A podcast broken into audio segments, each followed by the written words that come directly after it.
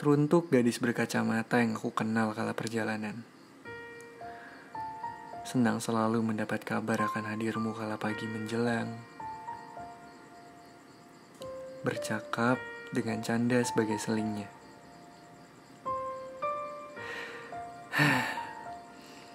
Ternyata benar kata orang bahwa tidak selalu yang bercakap dan curhat tentang dunianya kepada kita memiliki rasa kepada kita.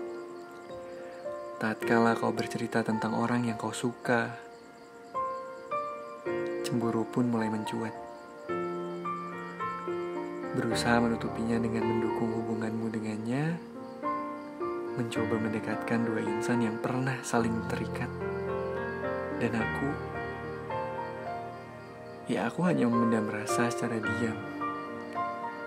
Dan sesekali menikmati senyummu waktu kita berbincang. Maaf, sudah menaruh rasa kepadamu. Dan semoga rasa ini berangsur memulih seperti sedia kala sebagai teman dan sahabat tanpa harus melibatkan rasa yang berlebih.